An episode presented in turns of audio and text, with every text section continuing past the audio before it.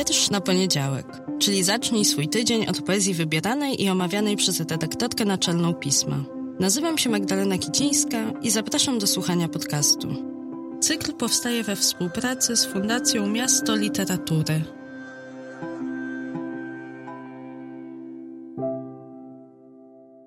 Dzień dobry, cześć, dobry wieczór.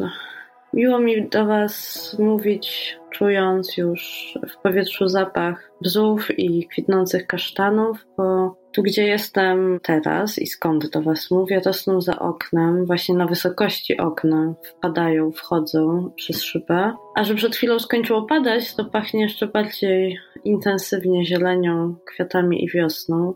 Że tak zacytuję poetkę i tekściarkę szalonym zielonym bzem, Ubiegły tydzień obfitował w bardzo wiele ważnych poetyckich wydarzeń. Bardzo było intensywnie w zeszłym tygodniu i postaram się dzisiaj dla Was to podsumować, bo wydaje mi się, że nagrody, nominacje, a właśnie o nich mówię, kilka z nich w zeszłym tygodniu zostało ogłoszonych, są ważne nie tylko oczywiście dla tych, którzy są nominowani, ale też dla odbiorców, dla czytelników i czytelniczek. Dzięki tym wskazaniom jurorskim, dzięki wskazaniom różnych kapituł, trochę mogą się zorientować po pierwsze w tym, co się w świecie poetyckim dzieje, mogą zobaczyć, co uznane jest za ważne, za wartościowe, bardziej wartościowe, bardziej warte uwagi może o, bo nie bardziej wartościowe. I dlatego wydaje mi się, że żebyśmy trzymali rękę na na pulsie i ja, i wy, to dobrze się przyjrzeć tym ogłoszonym właśnie w zeszłym tygodniu ważnym poetyckim nominacjom. I zaczęłabym od Krakowa, od samego południa Polski, gdzie ogłoszono nominację do nagrody imienia Wisławy Szymborskiej. I co ciekawe, to ogłoszenie miało podwójny charakter, znaczy nagroda w tym roku będzie miała podwójny charakter, bo w zeszłym roku pandemia nie tylko pokrzyżowała szyki, ale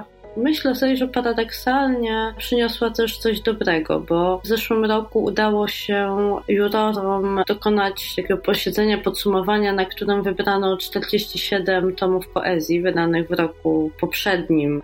To była taka długa lista tomów poetyckich, ale ze względu na no właśnie wszystko to, co działo się z pandemią, zarząd fundacji postanowił nie przyznawać nagrody, za to przyznać zapomogi dla literatów i literatek z tej puli pieniędzy i dzięki temu 41 osób e, otrzymało wsparcie, co jak wiemy w zeszłym roku, w trudnym roku zwłaszcza, znaczy nie zwłaszcza, dla bardzo wielu z nas, a dla twórców kultury w innym stopniu, bardzo trudnym czasie. Wydaje mi się, że takie rozwiązanie było bardzo w duchu Wisławy Szymborskiej, ale też chyba przede wszystkim tego, czym fundacja chce się kierować i jakim wartościom chce być wierna. Bardzo mi się ten pomysł podobał. No ale w związku z tym, że odpukać mamy nadzieję, że sytuacja rzeczywiście idzie ku dobremu. W tym roku nagroda będzie i zostanie ona przyznana za książkę wydaną w 2019 roku i osobno, już zgodnie z e, trybem przedpandemicznym, za książkę wydaną w 2020 roku.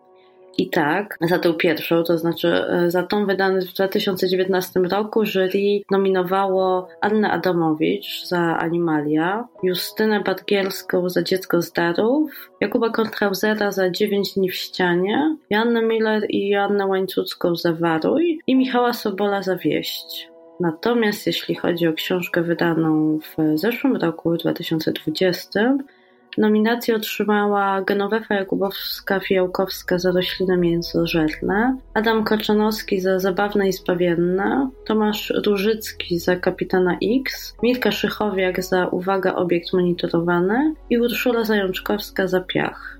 Pierwsze z tomów dwojga autorek książek poetyckich z ostatniego roku, Urszuli Zajączkowskiej i Tomasza Różyckiego, publikowaliśmy w piśmie. Urszula Zajączkowska Grudzień Ogród Czyta Agata Turkot Żółte chorągiewki sikor skrzydełkują opierzonymi wachlarzykami.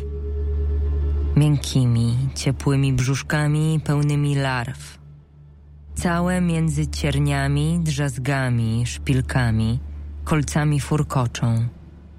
Ale nic. Nic się nie dzieje.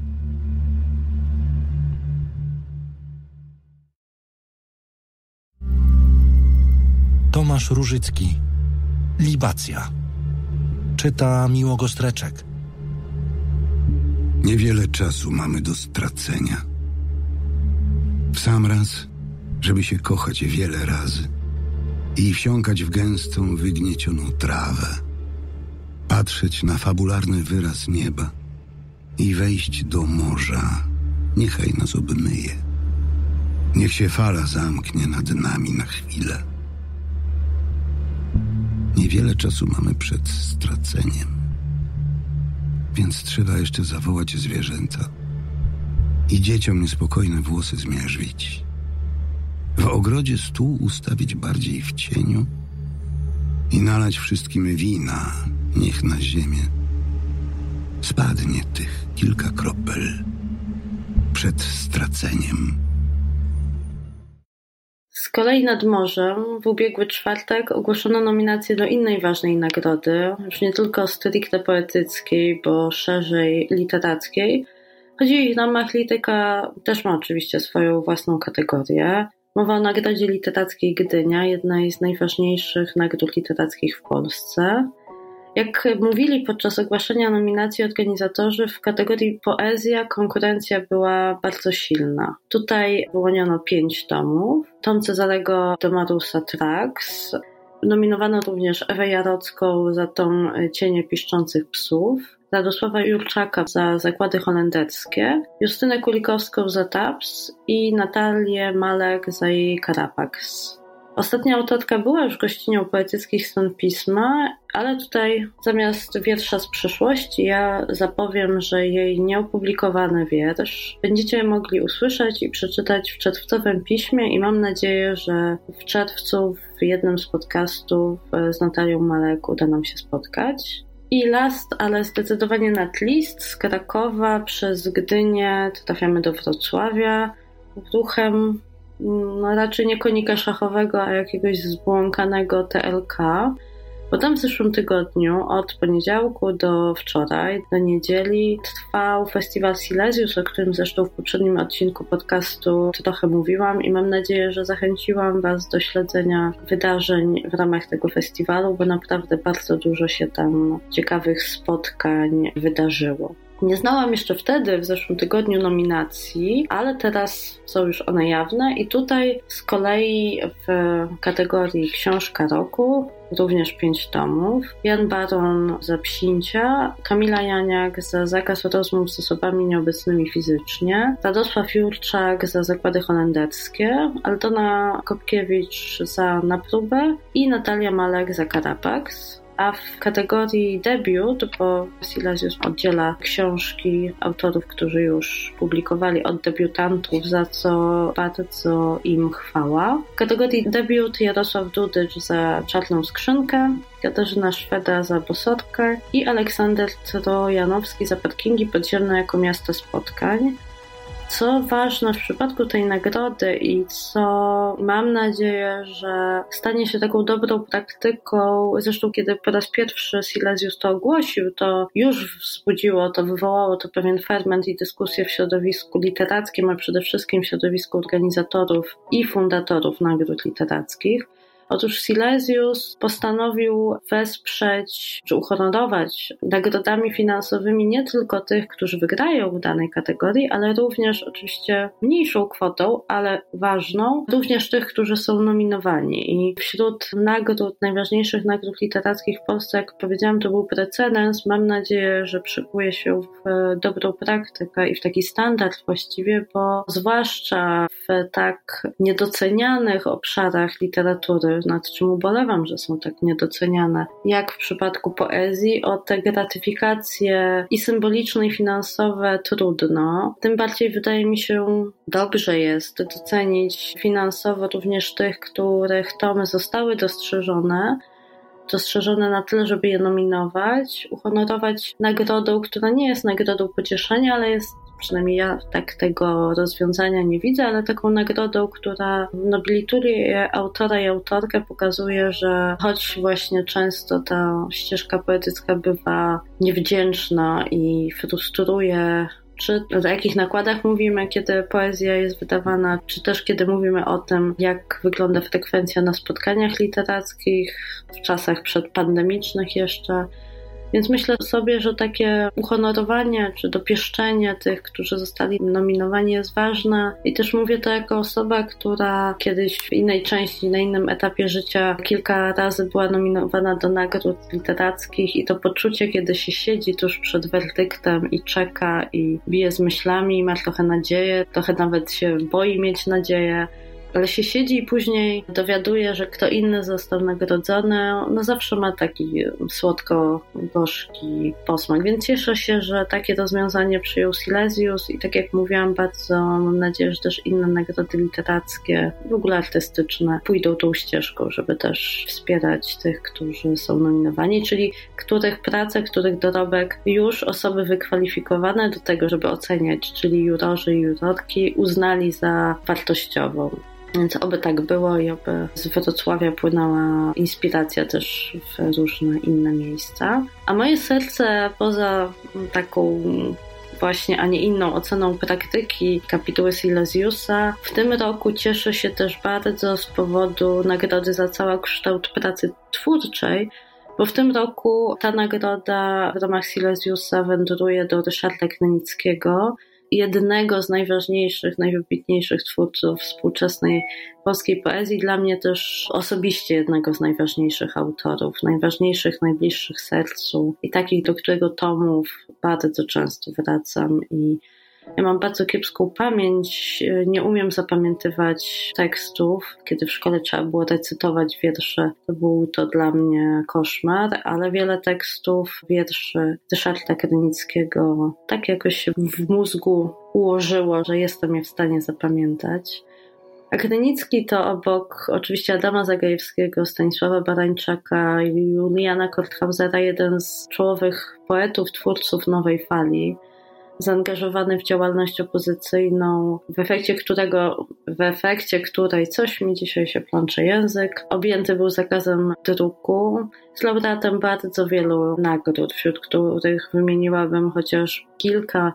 Nagrodę poetów, nagrodę kościelskich, nagrodę Fundacji Jurzykowskiego. Jest autorem kilkunastu książek poetyckich, jest również tłumaczem. Jest też również wydawcą, współtwórcą oficyny A5, którą prowadzi z Krystyną Krynicką i które to wydawnictwo stanowi bardzo ważną przestrzeń dla polskiej poezji i poezji zagranicznej. To tu ukazują się książki ważne, to znaczy te, które współtworzą kulturę, książki poetyckie polskich i zagranicznych autorów i autorek. Już niedługo wychodzi choćby w tej oficynie poezja Louise Glick w przekładzie Krystyny Dąbrowskiej. Na premiery książek A5 zawsze warto czekać i myślę, że nieprzypadkowo, że to wydawnictwo współtworzy właśnie Ryszard Klinicki.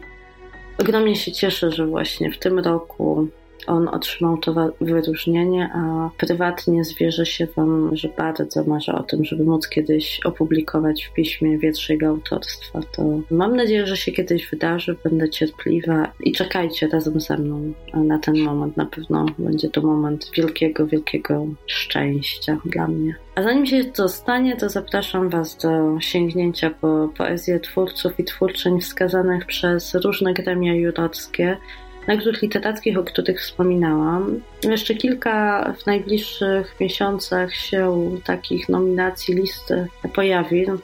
Między innymi czekamy na Nikę.